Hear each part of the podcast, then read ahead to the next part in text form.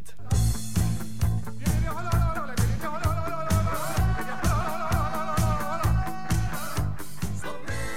Slovenija torej praznuje. Včeraj je vodstvo države organiziralo zabavo za rojstni dan, ki ima tradicionalno obliko proslave. V zadnjih 22 letih se je na sončni strani Alp zgodilo marsikaj. Mars Burne debate in razprave, nacionalni interesi, certifikati, privatizacija, požrešnost, človekoljubnost, protesti, Damjan Murko, športni uspehi, Doman Kumer, gospodarske inovacije, denacionalizacija, pornografija, mobilni telefoni, internet, Barbara Brezigar, avtocesta in seveda Martin Strel. Slovenija.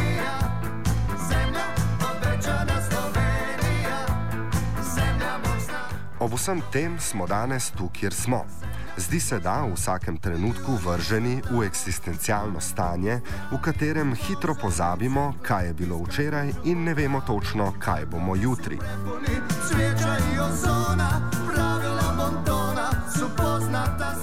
Toda, da ne prehitevamo, prisluhnite sogovorniku v oddaji.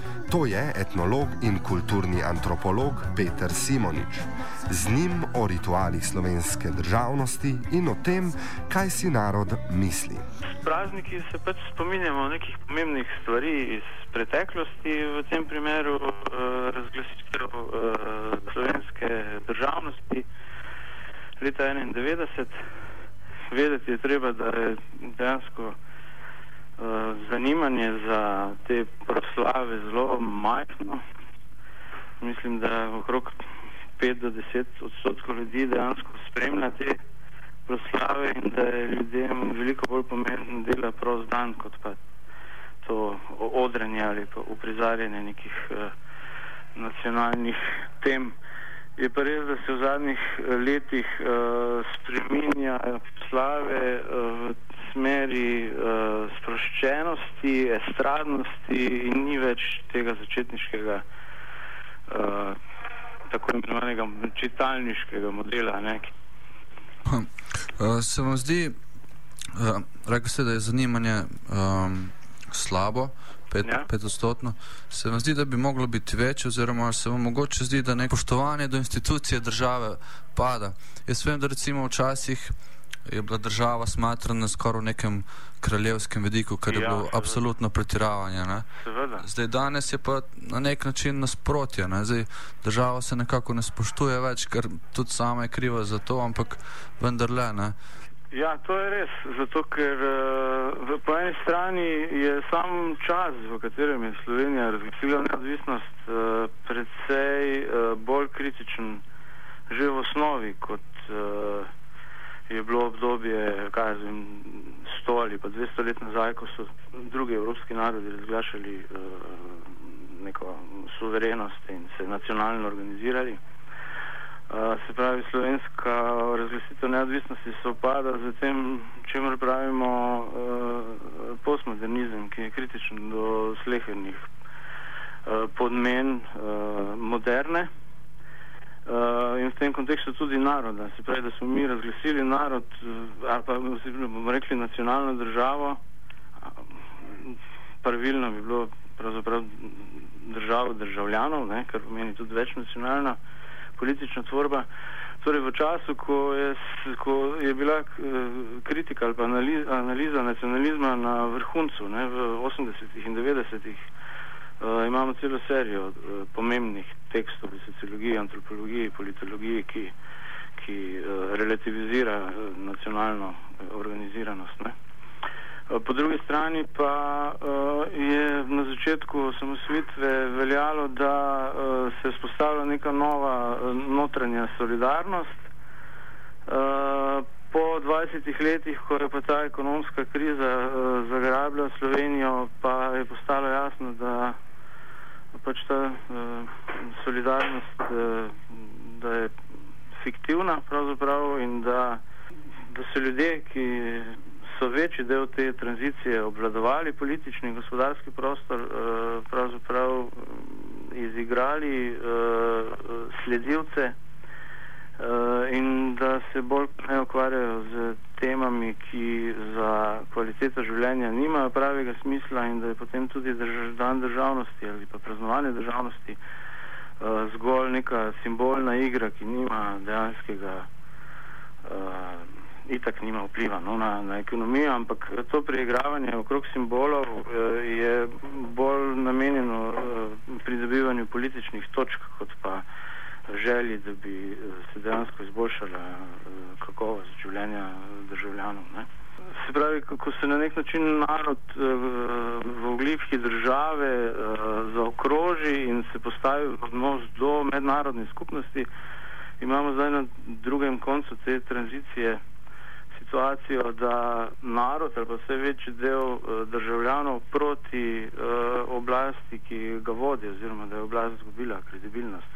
Se pravi, imamo predvsej drugačno situacijo ki je pravzaprav eh, zelo podobna temu, kar se je dogajalo v 80-ih letih, eh, kjer je tudi oblast izgubljala eh, na pomenu v očeh državljanov in je to na nek način predpostavljalo tudi temelje za legitimnost želje po razglasitvi slovenske neodvisnosti. Takrat je bil pač Beograd tisti, ki je bil sporn, danes je so tako imenovani domači uh, oligarhi ne, uh, v navezi z Brusljem, tisti, ki so uh, sporni. Kredibilnost, ki jo je institucija Republike Slovenije po osamosvojitvi pridobila, jo je 22 let kasneje izgubila. Vi ukradi so jo tisti, ki so nasedli ameriškim sanjam, ne vedoč, da so lete zgolj varijanta komunistične partije. Ameriške sanje so zdavnaj kupile korporacije, medtem ko je narodno-osvobodilni boj podjarmila partija. Zdelo se je, da je to že dovolj jasno in glasno povedal Punk, toda očitno ne. Še danes vedno iste zgodbe in prerekanja iz ust ljudi, ki nam servirajo pravljice. Pomembnost po skupnem in kvalitetnem zdravstvenem, izobraževalnem in infrastrukturnem sistemu seže onkraj igric politike in kapitala. Z, o, z osamosvojitvijo smo pridobili na neodvisnosti, ki pa je s pomočjo požrešnosti in kapitala pobegnila v skrajnost, kot je privatizacija javnega zdravstva. Kako do ravnovesja, odgovarja Peter Simonič. Ja, seveda se je celotna ideologija, se, veste, to je podobna dilema, pa jaz eh, ne bi zdaj delal propagande ali enega ali drugega sistema, ampak tako kot eh, po eh, vojni, eh, drugi svetovni vojni, ni bilo samoumevno, da se je, bomo rekli, narodno-osvobodilni boj izpel v eh, socializem ali pa komunizem. Ne?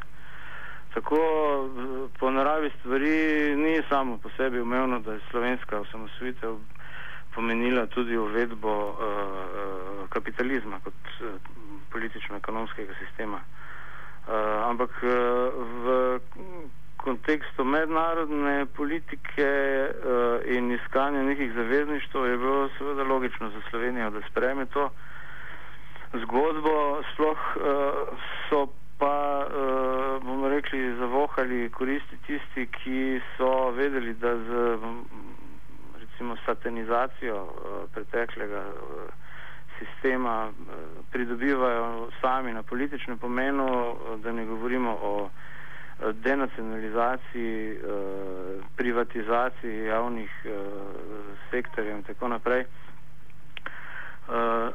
Skratka, gre za različna, različna mnenja, ki so se pravljala, od katerih so imeli eni več, drugi manj koristi. Uh, je pa res, kar ugotavljate, da, da ljudje sami spoznavajo, uh,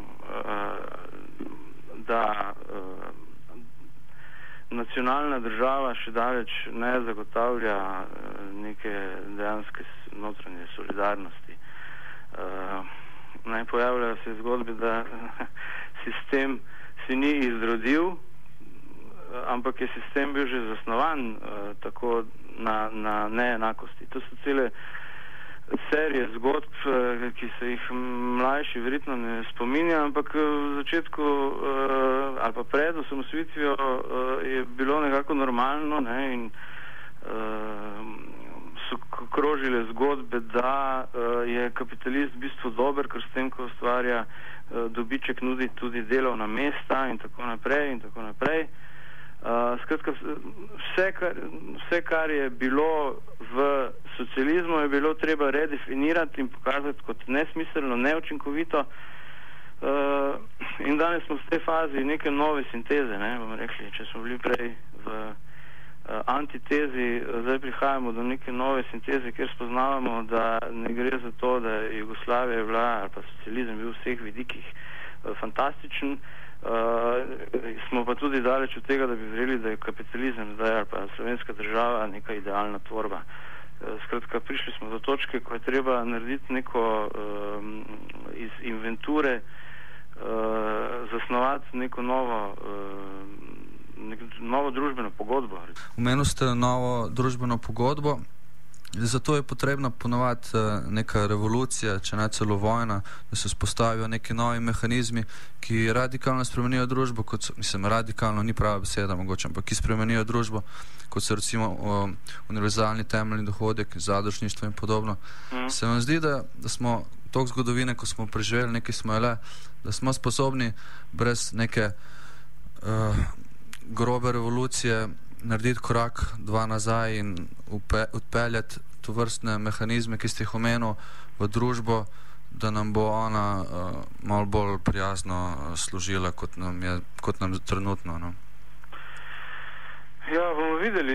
Jaz, eno, je, eno je ta uh, Facebook pritisk ali pa pritisk javnega mnenja uh, ali pa univerzitetni pritisk. Ne pozabimo, da, zadnj, da, da, da so bili v obdobju zadnjih, zadnjega tega vstajništva uh, zelo angažirani, predvsem družboslovci in humanisti. Se pravi, vsi so se, vsi, no, bomo rekli, velika večina uh, se je postavila proti uh, stanju stvari, kot so zdaj.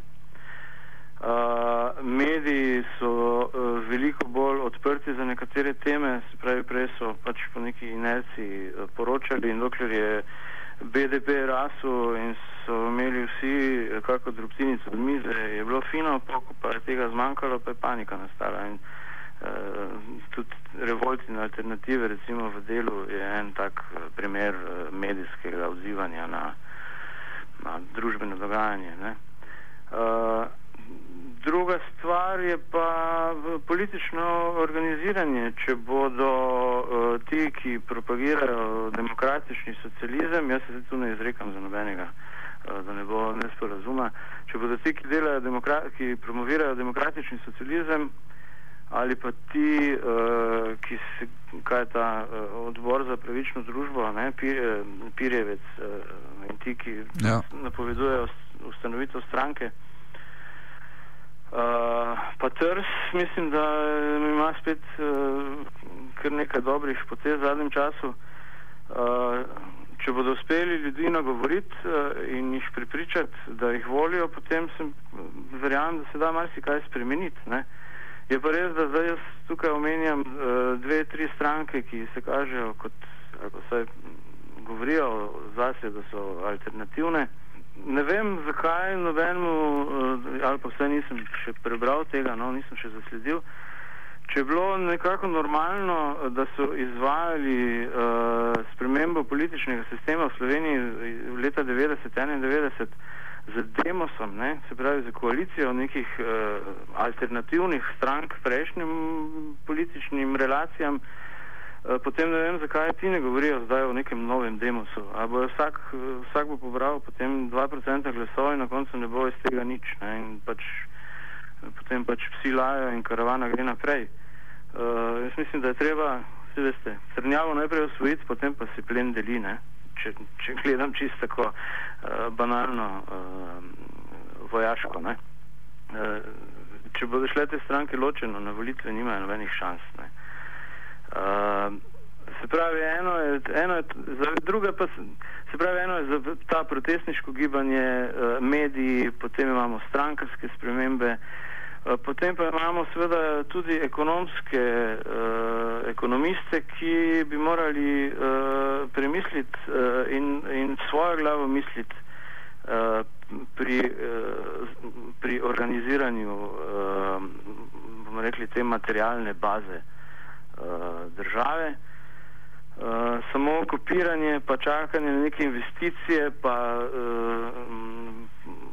sprejemanje diktata Bruslja ali drugih instanc, ki so tudi sestavni del te famozne trojke, uh, ne bomo prišli nikamor, ker res uh, ne verjamem, da je nekomu, ki ima dejansko zvode moči v rokah v tujini, uh, v interesu blagostanje nekega tam dvomiljonskega naroda, ampak kot vemo, gre za profitne stopnje. Zakaj recimo Nemčija najema zdaj kredite z eno ali pa dvema stotnima?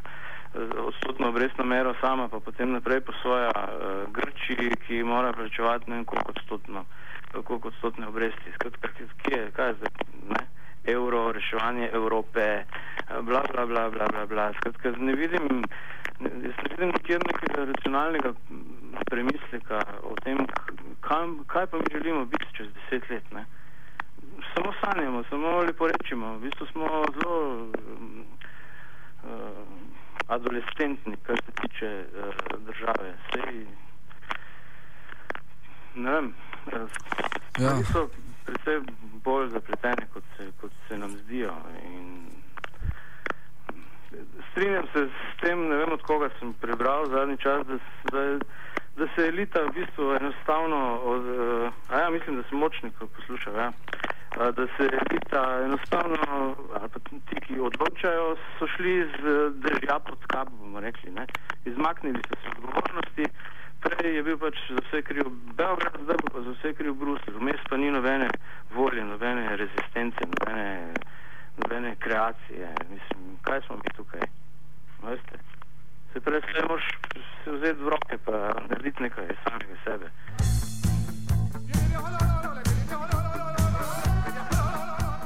Torej, drago ljudstvo, odvisni smo od, sam, od sebe. Potrebno je prepoznati, komu je treba pljuniti v obraz in tudi tistega, ki se mu je potrebno prikloniti. Ali kot pravi Ivan Cankar, narod si bo pisal sodbo sam, ne frak mu je nebo in ne talar.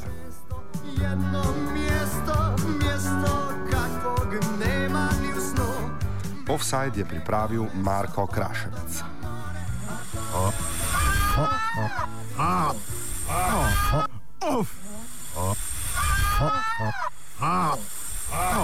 Offside.